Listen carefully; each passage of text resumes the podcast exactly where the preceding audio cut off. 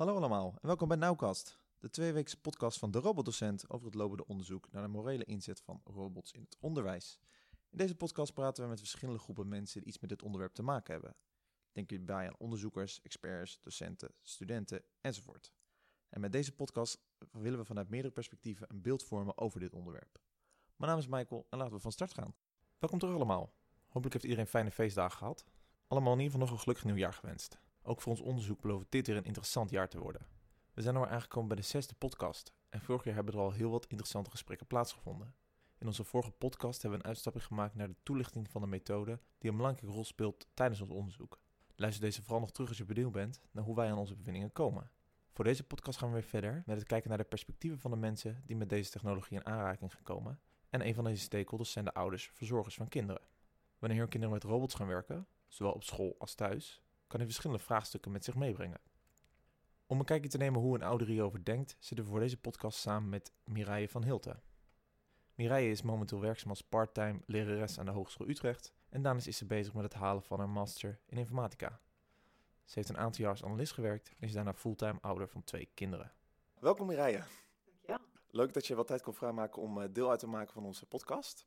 Ik heb in het kort in de intro wat over je achtergrond verteld, maar zou je er zelf nog een korte toelichting op kunnen geven? Dus bijvoorbeeld je achtergrond, waar je vandaan komt en al dat soort dingen? Ja, ik ben eigenlijk wel een IT'er in hart en nieren. Ik heb informatica gestudeerd op HBO-niveau. Ik ben nu trouwens bezig met een masteropleiding, ook hier aan de Hogeschool Utrecht. En ben nu werkzaam bij de Hogeschool Utrecht als docent bij HBO-ICT. Maar ik heb ook wel een hele periode in het bedrijfsleven gewerkt, vooral bij eh, softwarebedrijven.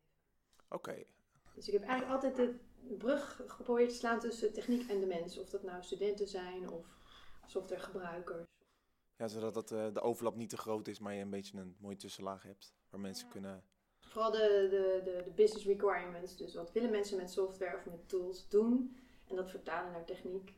Dus ja, die, die communicatielijnen, echt wat de echte business IT management rol. Ja, en was dat dan toevallig ook al met robots of iets? Dat is natuurlijk een heel breed begrip, maar iets in de robotica kant? Of was dat nog echt helemaal niet van toepassing? Ik heb niet veel met robots gewerkt. Nog niet. Oké. Nou leuk, daar komen we zo nog eh, verder op. Nou, dat is zo'n concept als robots, hè, die kunnen best wel verschillende gedachten bij eh, mensen opwekken. Vandaar dat ik dus in deze podcast vanuit eh, jouw rol als ouder wil kijken ja, hoe je tegen deze inzet aankijkt als het ware en wat de concrete voordelen en nadelen zijn. Want je bent een ouder, toch? Klopt dat? Je bent een ouder, oké. Nee, dan eh, een belangrijk van hoeveel kinderen heb je? ik heb twee kinderen. Twee kinderen. En als ik vraag mag, hoe oud zijn ze? Ze zijn nu vier en zes. Allebei sinds kort op de basisschool. Oké, kijk, want voor het onderzoek wat wij dan nu doen, kijken we ook echt naar de inzet in het basisonderwijs. Dus op dat gebied is het heel relevant. Want ben jij toevallig ook al zelf bekend met het onderzoek van Matthijs? Ik weet in grote lijnen waar Matthijs mee bezig is. Ik vind dat heel interessant werk wat hij doet. En, eh, maar ik laat me volledig verrassen door jouw vragen en ja, wat je verder nog. Waar naar jullie op zoek zijn. Ja, leuk, want eh, bij zo'n inzet van die robots, dat dan een aantal basisscholen in Nederland plaatsvindt, zijn ouders ook een partij die hiermee te maken krijgen indirect. Want ja, hun kind gebruikt zo'n robot, vinden ze dat wel oké? Nou ja, er komen allemaal vraagstukken bij, dat ook belangrijk is volgens ons om te belichten. Om maar zo het ijs te breken, waar denk jij aan als je hoort een robot in de klas? Een robot in de klas, als ik dat nu voorstel eh, met mijn twee zoontjes, als er een robot letterlijk in de klas zou staan, zouden ze dat denk ik heel leuk vinden en heel interessant. En zeker als je daar interactief mee om kunt gaan en daarmee kunt praten en bewegingen, dat, is, dat werkt heel goed op die leeftijd denk ik met kinderen. Mhm. Eh, dus ik denk dat dat wel eh, positief zou zijn. Dat gedeelte ervan in ieder geval. Ja, maar ja, wat ga je er verder mee doen? Hè? Wat is het educatieve doel? Kunnen ze daar wat van leren? Zijn het zelflerende robots ook nog weer? Worden bijvoorbeeld wat de kinderen zeggen, wordt dat ook weer gebruikt voor de robot om van te leren? Dat, dat, en dan zit, zitten daar dan privacy aspecten aan. Daar, daar denk ik dan ook gelijk aan.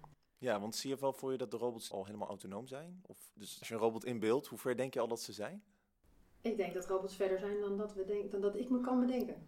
Oké, ja, want wat we inderdaad heel vaak zien is dat een van de dingen die de docent bijvoorbeeld altijd op is van, oh, ze gaan mijn baan overnemen. Weet je wel, dat ze me vervangen. hè? Maar een van de robots die we best wel vaak al gezien hebben en gebruiken is de Now-robot. Ik weet niet of je die kent. Nee? Oké, nou, en die Now-robot wordt in heel veel basisscholen ingezet. Het grote verschil is dat die Now-robot dus eigenlijk nog niet zo autonoom. Dus eigenlijk kan hij veel minder juist dan wat wij verwachten. Als wij bijvoorbeeld horen een robot, dan denken best wel veel mensen al van, van de films die je ziet, zo autonoom ze zijn. Maar momenteel wordt eigenlijk zo'n Now nog helemaal geprogrammeerd door de docent. Dus dat is wel een verschil. Alleen het blijft wel, we gaan natuurlijk wel die kant op wat je zegt, dat ze steeds slimmer worden en gaan werken met die kids. En wat wordt dan een rol? Dus vanuit ook dat oogpunt willen we dan kijken van hoe zou je er dan in staan als dat eenmaal gaat gebeuren.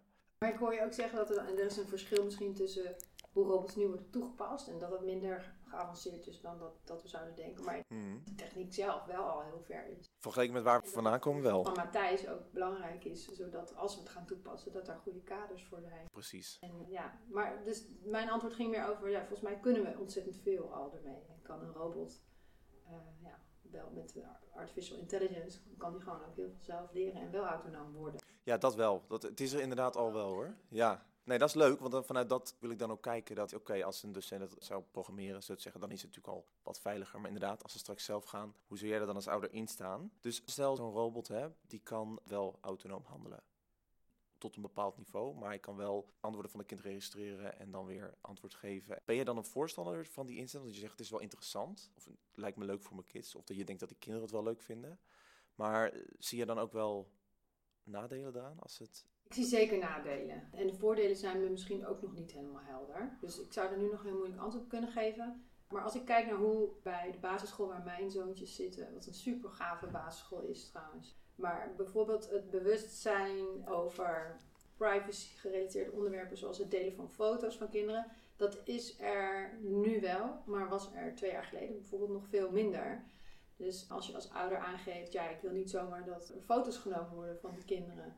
Of dat die zomaar op de website komen of zomaar op Facebook. Weet je, dat was wel een paar jaar geleden nog, begonnen die gesprekken zo'n beetje. En nu zijn daar richtlijnen voor. Hmm. En daar is de school ook zelf mee gekomen. Als je dat even als voorbeeld pakt, dan denk ik als we het over robots gaan hebben, dat de, gebruikers van die robots, dus de docenten, ja, die moeten wel echt eerst goed weten waar ze mee bezig zijn. En wat de risico's daarvan zijn. Hmm. En ik denk dan in eerste instantie aan privacyrisico's. Ja, dat zou de grootste, een van de grootste concerns zijn Ja. voor je, ja, als je dan bij de kinderen indenkt die met die robot zou werken. Ja, Ja, een Google speaker die weet ik veel wat allemaal registreert. En ja, Nee, ja, kijk, er kan misschien wel ergens zijn vastgelegd dat die gegevens niet gebruikt mogen worden. Maar ja, ze zijn wel ergens vastgelegd. Dus ja, we, we weten niet wanneer die regels veranderen. Dus dat vind ik echt een groot risico. En het tweede gevaar daaraan lijkt mij ook de interactie met kinderen. Ja, wat doet dat met, eh, weet ik veel, de, de, de gevoelens of de emoties van een kind? Of dat wat hij aan het leren is op het moment dat een robot minuscule gezichtsuitdrukkingen niet kan overbrengen zoals mensen dat wel kunnen. We weten niet. Kinderen die doen alles na. Kinderen doen gedrag van hun medeklasgenootjes doen ze ook na. Dat nemen ze mee naar huis en dan. Dus ze nemen alles over.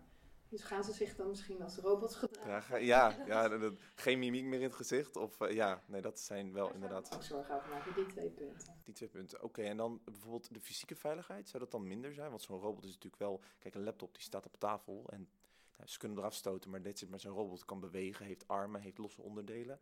Is dat dan iets waar je minder zorgen om zou maken? Of? Dat is nog niet opgekomen, dus eh, blijkbaar. Maar Oké, nee. nu je het zo noemt, Ik bedoel, als zo'n robot zou mis... hangt vanaf hoe groot die is. Oké, ja, oké, ja. Nu nog een beetje aan zo'n pepper formaatje of nog iets kleiner. Ja, ja de nauw is twee keer zo klein. Dus inderdaad, die zal... Ja, ik denk alleen als hij bijvoorbeeld zijn hand in één keer omhoog doet... en dat kind zit net met zijn hoofd of het oog erbij... dan kan het ook zoiets. Ja, maar dat was... Dat gebeurt Oké. ook met kinderen onderling. Dat is waar. Ik niet, vind ik minder, eh, minder belangrijk, denk ik. Oké. Oké, ja, nee, de privacy-punt is ook iets wat we heel vaak hebben gehoord. Denk je wel dat als die dan ingezet zou worden... dat al deze nadelen overkomen kunnen worden? Zie jij daar wel genoeg mogelijkheden voor? Dus als je het maar vastlegt, dan is het wel oké. Als je zegt over de privacy...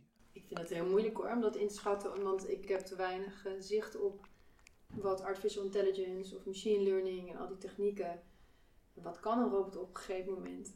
Dus hoe kan je de risico's überhaupt inschatten? Ja. Eh, dat vind ik heel lastig. Maar ik denk eh, dat je wel proeven zou kunnen doen in een veilige setting. Maar dat moet je dan eigenlijk maar niet met die kleine kinderen gaan testen in eerste instantie. dat, Nee. dan denk ik in een andere vorm moeten goede pilots moeten draaien. En ehm, pas als bewezen is dat dat veilig is en dat het een veilige leeromgeving is voor die kleine kinderen. Dat je gaat eerst maar even bij volwassen studenten doen of zo, die, zoals jij, die daar Ja. om weten te gaan. Hè? Ja, nee, dat zei dus ook. Je pakt nu een van de kwetsbaarste doelgroepen, om Ja. zo maar te zeggen. hè, Om het dan maar te testen. Als je dat meer gaat inzetten, kan je dat beter bij een ander proberen. Om te zorgen, als het fout gaat, dat mensen wel wat meer weerstand kunnen bieden. Ja, en misschien kan die robot gewoon eh, wel leren, maar eh, blijft die data gewoon in die robot zitten of zo. En weet ik niet, eh, ja, dus er zullen vast wel governance-achtige mechanismen zijn om dat beter te organiseren, om ervoor te zorgen dat die privacy gewaarborgd blijft. Of we zeggen, ja, we doen geen autonome robots, maar gewoon robots die heel veel kennis in zich dragen. Wat, wat willen we ermee doen? En daar hebben we het eigenlijk nog niet over gehad. Hè? Wat zijn nou de voordelen en wat levert zoiets op? Nee, we zijn meer aan het kijken naar wat kan en dan niet wat is het einddoel eigenlijk. Ja. Want hij kan inderdaad ook voor meerdere dingen ingezet worden. Soms als programmeerobject of noem maar op. Vind je zelf dat bijvoorbeeld een ouder in inspraak moet hebben of zo'n robot gebruikt wordt in de klas? Omdat sommigen zien het gewoon als een stuk technologie, dus de school bepaalt. Kijk of er een nieuwe beamer hangt. Dat beslist vaak de school. En dan het kind komt gewoon in de klas. Maar vind je dit een ander, toch iets anders? Of Ik vind het wel iets anders. Ik vind ook het gebruik van iPads in de school vind ik iets waar ik me als ouder zeker tegenaan eh, zou bemoeien. Als er, eh, er zijn ook eh, scholen waar echt alleen maar met iPad wordt gewerkt. Hmm. Dus het gebruik van technologie op school eh, vind ik wel dat een ouder daar eh, in ieder geval inspraak via. Er zijn natuurlijk medezeggenschapsorganen ook. Er is een ouderraad vaak op een, op een eh, basisschool. Hmm. En ik denk ook wel dat een school dat in eerste instantie zo'n orgaan raadpleegt bij dit soort grote wijzigingen. Ja, anders kan het later natuurlijk wel aardig terugslaan. Ja. En hoeft, weet je, er hoeft maar één keer, een keer iets fout te gaan en dan worden al die robots weer uit de handel gehaald. En dus dat moet je toch proberen te voorkomen. Ik zou er zeker over willen meedenken. En vind ik dat een ouder daar iets over te zeggen moet hebben. Ja, via, via de medezeggenschap dan. En ik vind het ook wel een taak van een school om innovatief proberen te zijn. Maar gaan ze dan eerst maar eens even leren programmeren met Scratch of zo, weet je? Dat gebeurt eigenlijk al heel weinig. Ja. Misschien sommige basisscholen wel, maar die van ons nog, nog niet heel veel, denk ik. En ja, ik, ik denk dat een robot als, als speelgoedachtige toepassing, van wat kun je er allemaal mee en wat kun je hem laten doen, dat dat heel toegankelijk kan zijn. Dat je dat nu al kan doen. Ik wij zelf ook vooral van die kleine robotjes die, eh, die klapt in je handen en dan gaat dansen en zo. Dat is allemaal wel, wel heel leuk. Maar ga je er een didactische toepassing voor bedenken, dan eh, moet je het wel heel goed... eh, Ja, heel goed. Een heel goed plan liggen in ieder geval, Ja. zodat het, ja, precies. Een leerobject is heel anders dan dat het echt een docent bijna zou vervangen of iets natuurlijk. Ja. En een van de concepten die we hebben gehoord is ook beyond the classroom learning. En dat betekent dat zo'n robot ook, stel we, gaan, we komen zover hè, dat ieder kind een robot heeft. Of een kind krijgt een keer een robot mee naar huis. Dat zo'n robot thuis ook komt. En eigenlijk met dat kind zou spelen of dingen leren. Zou je daar, als je dat zo hoort, probleem mee hebben? Of zie je dat überhaupt voor je? Dat lijkt me wel. Het lijkt me, het lijkt me allemaal heel interessant, hè? Hmm. Eh, ja, je hebt natuurlijk een verschil tussen eh, wat is een probeersel en wat is eh, de werkelijkheid. Hmm. En eh, ongetwijfeld gaat het die kant ook gewoon op. Dus eh, ik, ik, ik sta er wel voor open. Alleen, eh, ja, alles wat die robot weet, leert en kan. En misschien opneemt met videobeelden en audiobeelden en zo. Ja, dat is nogal wat. Wat gaat er met al die data gebeuren? Ja. ja, dat is inderdaad een van de belangrijkste punten. Dat hoor ik ook hoor, omdat je daar gewoon geen... Dat is iets wat dan buiten je macht ligt. Maar Dan heb je gewoon robotspionnen namelijk. precies. Dat vind ik wel zorgelijk. Maar stel nou, hè, want dan ga ik een beetje erin mee. Dan dekken we dat in. En we zorgen dat het privacy... Als, het blijft alleen in die robot en niemand kan erbij. Even om dat zo te zeggen. Dan heb je bijvoorbeeld ook nog het andere aspect... als die robots zo menselijkachtig worden, wat je vertelde. Dat bijvoorbeeld... Stel je, een van je kids zou een, die robot als een vriend gaan zien. Zou je dat dan erg vinden? Of zou je denken, nou, dus blijft die vriendje erbij? God, wat een moeilijke vraag heb je. ja, dit is als ze eenmaal zo slim natuurlijk waar we wel, eh, ja, je kan er maar beter over nadenken. Dat in één keer, hé hey mam, ik heb een nieuw vriendje. Kijk, hij rolt binnen. Ja. Zoiets. Kan ik eigenlijk helemaal niet inschatten. Dat, eh, ik, ik, de gevolgen zijn me gewoon niet duidelijk. Wat, wat, eh, wat voor impact heeft dat op mijn kind? Nee. En eh, En vanuit je eigen, als ik dat zo kan zeggen, bij je moedergevoel, zeg je van, nou, dit is wel minder. Ik denk dat het niet erg is. Of, kijk, we weten het nog niet, maar... In eerste instantie dat het wel erg is. Dat voorbeeld van een robot als een vriendje, denk ik in eerste instantie, dat, dat vind ik een bedreiging. Ja, en dan vooral, Dan dat ik het interessant vind oké. En dan vooral omdat het menselijk aspect wegvalt, of omdat dan een kind eigenlijk een relatie krijgt met iets wat niet Leeft. precies. Zeker. dat vooral dat je denkt van ja, je hebt toch een. Want je kan het misschien een beetje vergelijken met wat mensen al voor hun smartphone voelen. Sommige mensen die kijken de helft van de dag naar hun smartphone en die eh, kunnen eigenlijk bijna niet meer zonder. Maar dit zou dan wel nog weer een stapje omhoog zijn. Ja. Dat oké. Ja, nee, dat zou ik ook dan in eerste instantie. Je hebt ook zo'n film over een kerel die dan met zijn personal assistant, eh Her, zo heet hij geloof ik. Ja. Alleen maar met zijn eh, personal assistant en die wordt er half verliefd op. Ja, klopt. Ja, zo zitten mensenhersens blijkbaar in elkaar. Dat we het echt voor realiteit aannemen. Het wordt helemaal een werkelijkheid. En kinderhersentjes, ja, die, die, die, alles is waar voor hun. Ook tekenfilms en... eh, Dus wat gebeurt op het moment dat die robot het niet meer doet? Of dat die robot een keer, eh, weet je, moet die robot ook kunnen ruzie maken, net als alle andere kinderen? Of moet die robot alleen maar lief en aardig zijn? Leert een kind dan nog wel ruzie maken? Met, want misschien moet je dat ook wel leren op school, ik weet het niet. Maar... Ja, dat is inderdaad je leert eigenlijk van alles en daardoor wordt je een beetje gevormd natuurlijk. Ja. En als dat wegvalt. Precies. En Kijk, een robot wordt natuurlijk toch geprogrammeerd zoals wij vinden dat hij, dat hij moet- zich moet gedragen. Tenzij hij weer zelflerend wordt en hij neemt van alles. Ja, geen idee. Vind ik heel lastig. Ja. En, en we hebben het steeds over privacy. En dan zeggen wij als dat afgedekt is. Maar privacy is nu ook niet afgedekt. En we hebben wel een nieuwe wetgeving, eh, de AVG. En de eerste boetes zijn volgens mij eh, gevallen. Maar ja, ik heb ook gewoon de privacy zoals die nu geregeld is via smartphones en in, in, via internet. Heb ik ook geen vertrouwen in. Nee.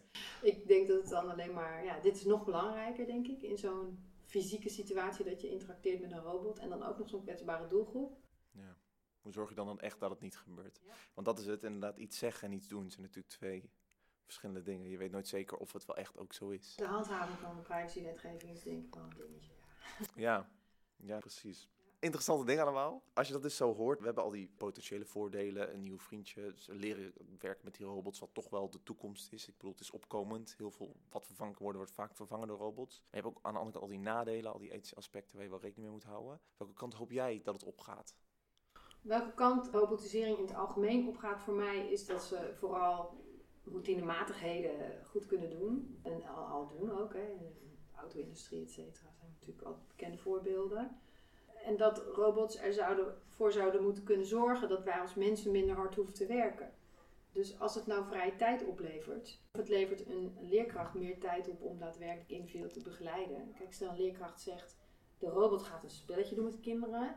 En ik ga eens even kijken hoe ver iedereen didactisch is. En eh, kijken welke kinderen ik nu kan helpen. Dingen die hij als menselijke leerkracht alleen maar kan doen. Dan denk ik, ja oké, dan hebben we een goede toepassing. Robot kan misschien prima een spelletje uitvoeren. Mhm. Kinderen bezighouden. Even als voorbeeld. Maar dat zou wat betreft de hele robotisering denk ik eh, het doel moeten zijn. Robots kunnen prima mensen vervangen. Zolang ze die dingen doen die vervangbaar zijn. En dat het ook wat oplevert voor de mens. Ja, Namelijk meer tijd om die mensdingen te doen. En ook meer tijd om eh, de, van de, de, de levende dingen te genieten. Wat een robot niet kan. nee. Niet te genieten, die kan gewoon de hele dag door. Ja, die kan het, vond ik hetzelfde robots. zeggen. Dus het zou ook überhaupt automatisering of eh, IT-toepassing zouden ervoor moeten zorgen dat we het juist rustiger krijgen. Of juist eh, ja, Makkelijker. makkelijk. Zoals ik het ook al zeg, in een klas, dus in een basisschool, zijn zo'n robot eigenlijk alleen voor een lol aspect of een spelletje gewoon toepasbaar moeten zijn. En niet per se om een kind iets aan te leren, of in ieder geval voor nu niet, omdat we nog de gevolgen er niet van weten. Ja, wie weet is dat de eerste stap. En dan eh, het lerende aspect. Ja, kijk, heel veel kennis in een robot is ook wel heel interessant. Maar dat, dat hoeft dan niet in een fysieke robot te zitten. Dat kan je ook gewoon via een scherm dan doen, toch? Dus misschien moeten we ook niet denken, we moeten het allemaal samenbrengen in een fysiek eh, gedaante, zeg maar.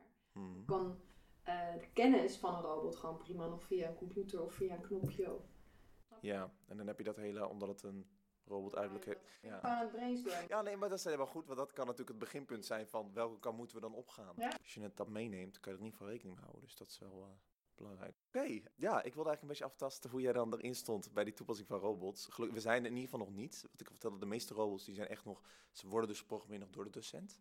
En ze kunnen dus wel bewegingen doen en dingen vragen, maar nog geen gesprekken echt voeren. Ik kan wel vragen welk jaartal is eh, de Tweede Wereldoorlog geëindigd. Ja, dus een paar leeraspecten zijn er inderdaad al wel, maar op emotioneel niveau is dat nog niet. Als je vecht een robot hoe voel, ja, misschien zegt hij goed, maar je kan niet echt dieper erop in nog. Heb jij eventueel nog een eigen toevoeging over dit hele onderwerp? Nee, nee. Ik denk dat alles wel gepasseerd is. Ja, toch? Ja. Oké, dan wil ik je in ieder geval bedanken voor je aanwezigheid. Maar ja, bedankt voor de uitnodiging. Geen dank. Nog een fijne dag. Vond je dit nou een hele leuke podcast? Laat dan zeker een review achter en deel hem vooral. De podcast is te vinden op Soundcloud en op onze website derobotdocent.nl. En als je er dan toch bent, neem ook een kijkje in onze vlog voor een visuele update. Voor nu houdoe en tot de volgende.